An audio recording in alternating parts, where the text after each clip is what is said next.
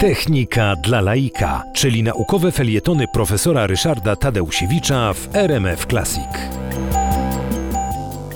Sztuczna inteligencja i postępująca robotyzacja budzą różnego rodzaju obawy, a y, ta obawa, którą Stanley Kubrick y, ubrał właśnie w konkretny obraz tego komputera HAL 9000 y, w swojej słynnej Odysei Kosmicznej, ta obawa towarzyszy ludziom no, nie od dziś i, i podejrzewam, że jeszcze przez długi czas będzie nam towarzyszyć.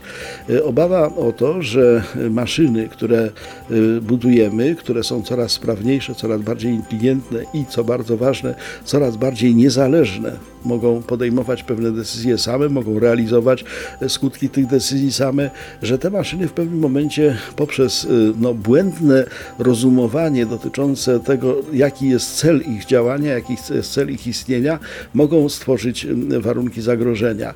Wizja artystyczna, która była w tym pięknym filmie Odyseja Kosmiczna, jest wizją troszeczkę naiwną, to znaczy ten komputer w takiej postaci i w takim, że tak powiem, sposobie działania byłby no, no niemożliwy. Nikt przy zdrowych zmysłach nie budowałby maszyny o tak dużym zakresie kompetencji, tak bardzo niezależnej od człowieka.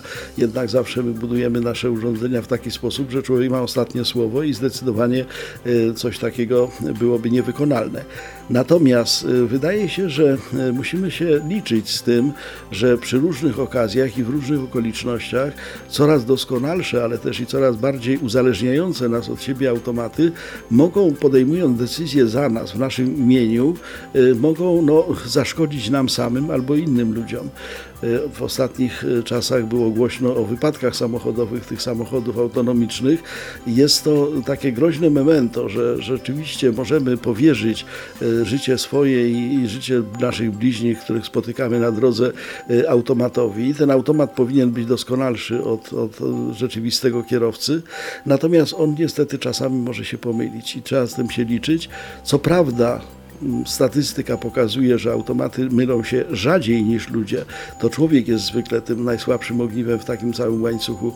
Jednak y, możliwości y, opatrznego rozumienia y, celu i zadań stawianych przez człowieka i skutków takiego opatrznego rozumienia przez maszynę tych celów i zadań, no, musimy się z tym liczyć w sytuacji świata coraz bardziej tymi maszynami nasyconego.